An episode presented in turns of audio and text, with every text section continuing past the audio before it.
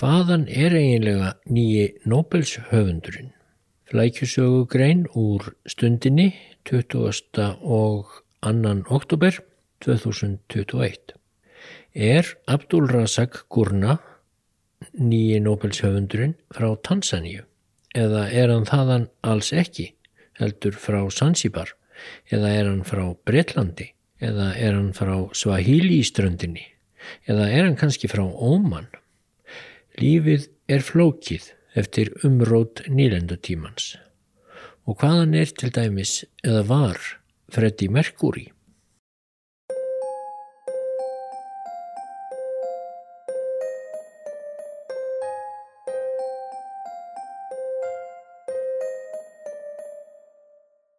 Svo nefndi í Stokkólmi sem útdeilir Nobelsfellununum í bókmentum hefur gaman af að koma fólki á óvart. Lengi hefur verið búist við því að nefndin myndi loks verðlauna afrískan rittöfund, svartan, og virtist einbóðið að þá erði Ngugi van Tiongo frá Keníu fyrir valinu. En það er hann sennilega frægasti og virtasti höfundurinn að því tægi um þessar myndir. En þegar talsmaður Nobelsnefndarinnar byrtist loks nú á haustdögum og las upp nafnverlauna hafans, Þá reyndist að vísu um að ræða svartan Afrikumann en ekki Ngugi frá Kenju heldur Abdul Razak Gurna frá Tansaníu. Og hættir að segja að enginn hafi búist við því að Gurna fengi þessi eftirsóttustu bókmentaverlun heimsins en það spurðan vist sjálfur hvort einhver væri að atast í honum þegar Nobels nefndin ringdi og tilkynnt honum um verlunin. Eftir á að hyggja virðast flestir þó sáttir við verðlaunaveitinguna til Gurnas. Nemndin sagði að hann fengið au fyrir einarða og hluttekningaríka rannsókn á áhrifum nýlendustefnunar og örlögum flóttamanna í gjánni milli menningarheima sem heimsálfa og þótti ég sé enn ekki búin að lesa neitt eftir Tansaníumannin þá virðist þessi lýsing á skáltsugum hans eiga mjög við stóð að stiðjast. En þess ber þó að geta að það er í rauninni á mörkunum að Abdul Razak Gurna geti talist vera frá Tansaníu, heldur er hann frá Sansibar. Og Sansibar var ekki hluti Tansaníu nema í örfa á misseri áður en Gurna sem þá var 18 ára flutti eða réttar að sagt rökklaðist úr landi og gerðist bresku ríkisborgari. Og nýlendutímin á Sansibar og raunar í austur Afríku allri er líka óvenju flókin tími. Engum blandast hugur um hörmungar þær sem hinn vestrænu nýlenduveldi letu yfir svæðið og einna afdrifa ríkust á árunum 1880 til 1920 eða þarum bil en Evrópumenn eru þó reyndar langt í frá einu vondukallarnir í þeirri sögu sem Gurna fæst við í bókum sínum. Fólk hefur búið á svæðinu sem við köllum nú Tansaníu frá Örófi alda. Fyrir upphaf tímatals okkar, fyrir Krist, þá bjökuðar hyrðingjar af ættum Kusíta og veiðimenn og sapnarar sem töluðu klikkmál, svo kallað, af Koisanrót. Fyrir 2000 árum fór bantúfólk frá Vesturafríku svo að flytjast þar á slóðir og flytti með sér jarðirkju og járnvinnslu. En síðar komu nýjir hyrðingjar norðan úr Sútan og blönduðust þeim sem fyrir voru. Veðurfar og landkostir eru víðast til fyrirmyndar í Tansaníu, engum við strendur innlandshafs, en í upplöndum taka við þjettir frumskóar þar sem reyndist þó afara frjósamt ef tókst að riðja einhver staðar spildu. Því fjölgaði fólki jamt og þétt. Ekki mynduðust eiginleg ríki á svæðinu, svo heiti gæti, nema helst við ströndina, þar sem mörg sjálfstæð eh, og stundum auðug borgríki spruttu upp. Í uppsveitunum réðu hins vegar höfðingjar og smákungar hver yfir sínum ættbálki. Einhver tíma fyrir laungu hafðu skip komið siglandi söður með austurströnd Afríku og lagt að landi þar sem eitthvað físilegt var að finna. Kaupmenn sótust eftir fílabeini en líka eðal við, skinnum, krytti og að lokum gulli. Þessi skip komu frá miðusturlöndum og á svæðinu hafa fundist merki um ferðir kaupmanna frá bæði Súmer og Babilón, fornum ríkjum sem blómstruðu löngu fyrir Krist spörð. Rómverjar þekktu príðilega til Östurafríkustrandar en eftir að Arabar urðu alls ráðandi í miðausturlöndum frá og með sjöndu öld eftir Krist þá jökust siglingar söður eftir og skip komu líka frá Índlandi. Strandlingjan frá Sómalíu og söður Keníu og Tansaníu sem nú heita svo varð eitt menningar og vestlunarsvæði og hefur oft verið kallað Swahili ströndin því þar og í uppsveitunum þróaðist tungumálið Swahili. Það er í grunninn af banduætt en geymir mikil áhrif og fjölda tökuorða frá Arabíu, Persíu, Indlandi og jafnvel víðar að og nú víkur sögunni loks að fæðingarstað Nobels höfundarins Abdul Razak Gurna. Eiaklasin Zanzibar er um 25-40 km undan ströndum Östurafriku. Tvær eigjar eru langstæstar og íbúa fjöldi mestur á þeirri sem yfirleitt er einfallega kölluð Zanzibar. Hún er á stærð við Reykjaneskagan að viðbættu höfuborgarsvæðinu á Vorlandi. Langt er síðan fólk fór að setja stað á eiginum og þegar arabísku kaupmennirnir að norðan komu að versla á Svahili í ströndinni þá varð Zanzibar einn helsti miðpuntur og bækistöð þeirra. Kaupmenn byggðu Steinborg, svo nefnda, við höfn sem auðvelt var að verja og þar setti stað mikið af arabísk ættuðum og íslamstrúar kaupahjæðnum. Þeir eruðu fljótlega yfir stjætt í landinu og var svo lengi síðan. Mjög lengi er óhætt að segja. Fyrsta moskan á Zanzibar var reist á 12. öld, snemma, fyrir fjö frá Jemen. Arabar ímist búsettir eða með bækistöð á Zanzibar réðu svo óáreittir versluninni við Östur Afrikuströndina í hálft árþúsund.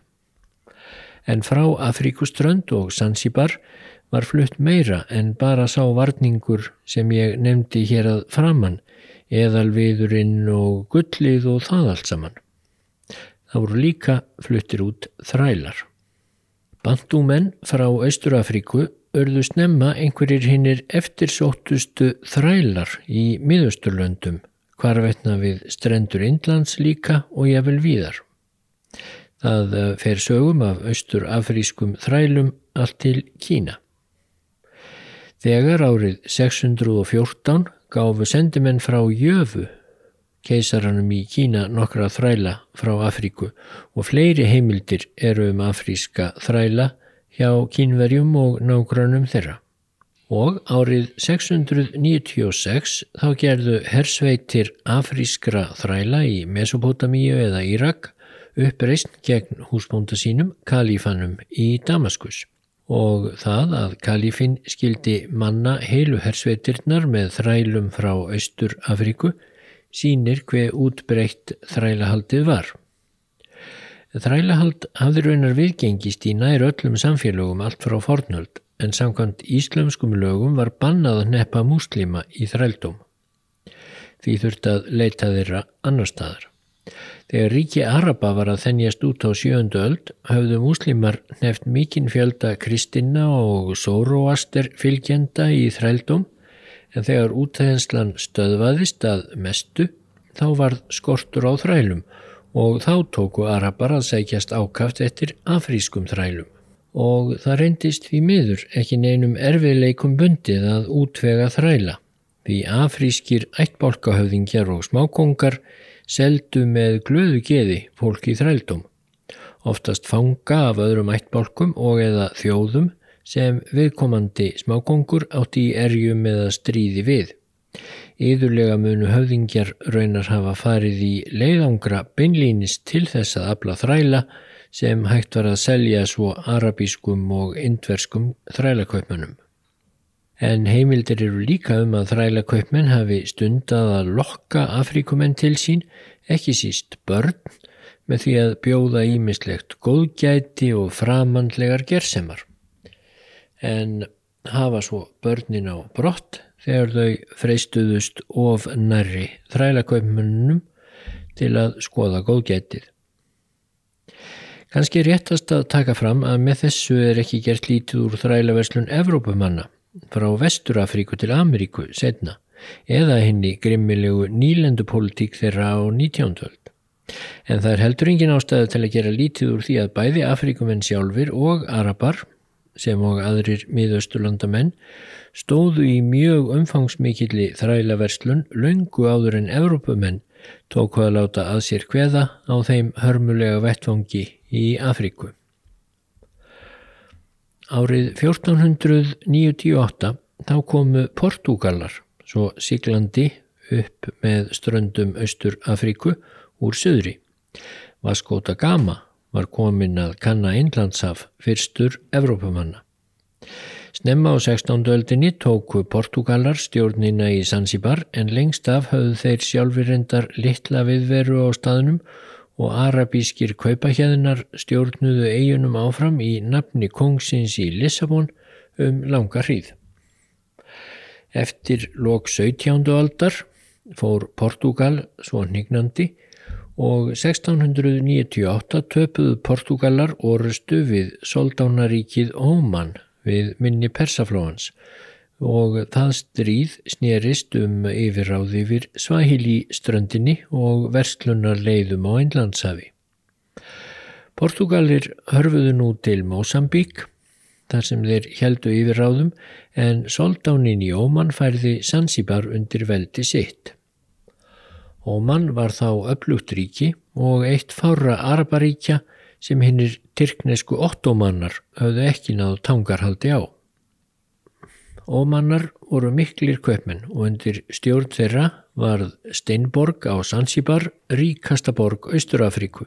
Soldánar léttu hefja umfangsmeiri ræktun en áður hafðu þekst á Sansibar og röktu afríska bændur af jörðum sínum en settu upp blómlegar plantekrur sem ómannskir gæðingar þeirra stýrðu en vinnuaflið voru að sjálfsögðu afrískir þrælar.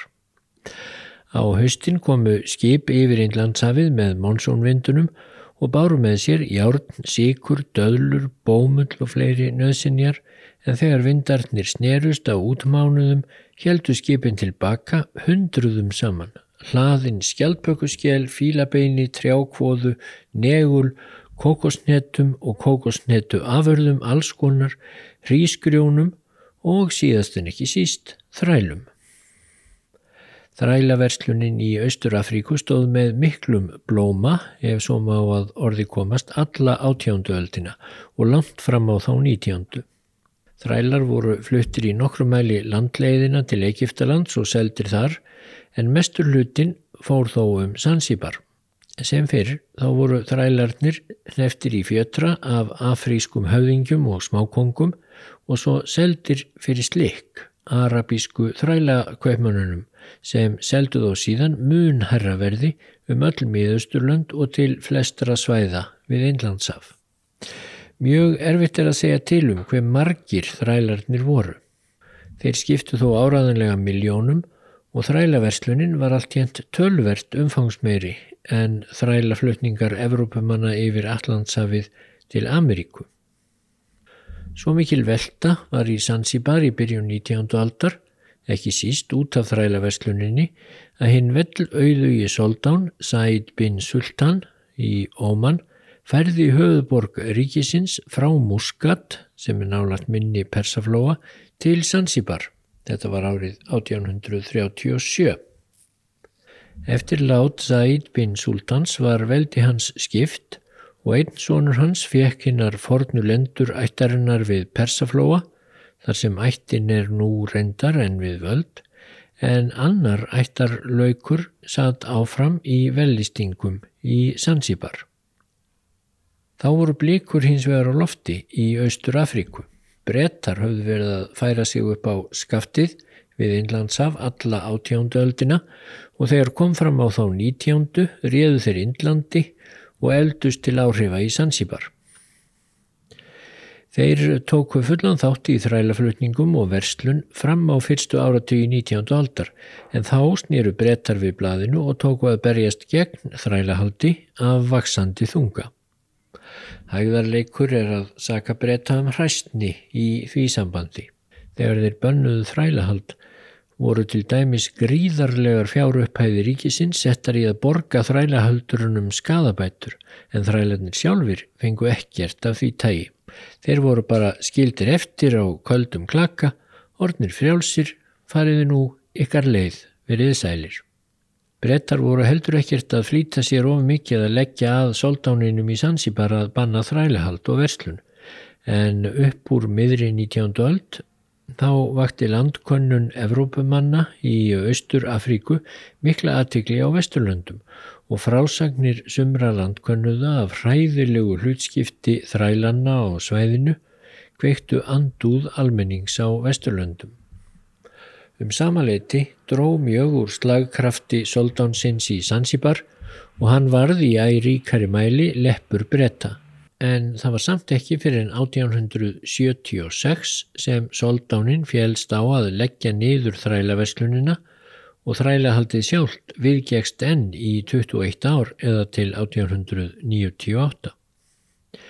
En einmitt á þeim árum sem brettar beittu sér fyrir afnámi þrælahalds, þá voru þeir og aðrar Evrópuþjóður á fullu í kapplaupinu um Afríku, sem svo var kallað, og hyrtu með ofurvaldi vopna sinna á tækni þau hinn síðustu svæði sem enn voru undir stjórn Afríkumanna sjálfra.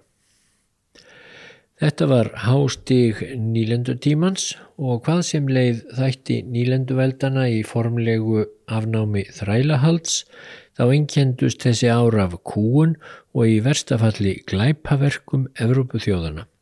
Þá dugir að nefna skjelvingar þær sem stjórn kongsins í Belgíu leti yfir íbúa Kongo auk þess sem menning Afrikumanna var fótum tróðin á alla lund og sjálfsverðing þeirra svívirt. Á þessum árum var til Þísk nýlenda, Tanganyika, milli Mósambík sem Portugalar réðu og Kenju sem var brest verndarsvæði lengst af. Þjóðverjar hafður endar ekkert komið við sögu í Afríku áður en nýtt sameinað Þískaland var vaksandi herrveldi í Evrópu og hinn stórveldin lefðu þjóðverjum þess vegna að vera með í að arðræna Afríku. Árið 1890 varð Sansibar verndarsvæði bresku krúnunar formlega og þótt Soldán sæti enn í hölsinni réða nú ekki lengur neinu nema því sem brettar lefðunum að ráða. Við lok fyrir heimstrialdar hyrtu brettar Tanganíku af þjóðverjum og ráku svo nýlenduna síðan í tæpa halva öld. Pátt breyttist í Sansibar fram yfir miðja 20. öld.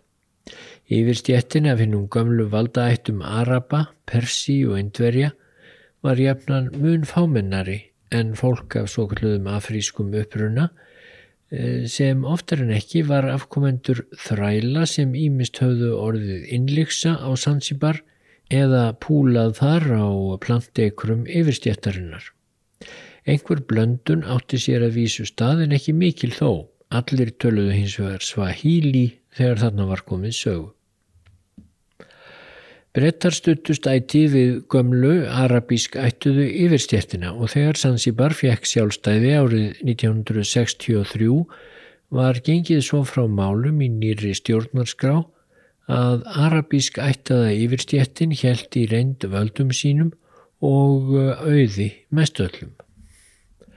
Snemma árs árið 1964 var hins vegar gerð blóðug bylting á vegum fámenns hóps harðlínumanna sem reyndar laud fórustu litríks tækifæri sinna frá Úganda og yfirstjettin var rækin frá öldum og síðasti soldánin hjælt heim til óman.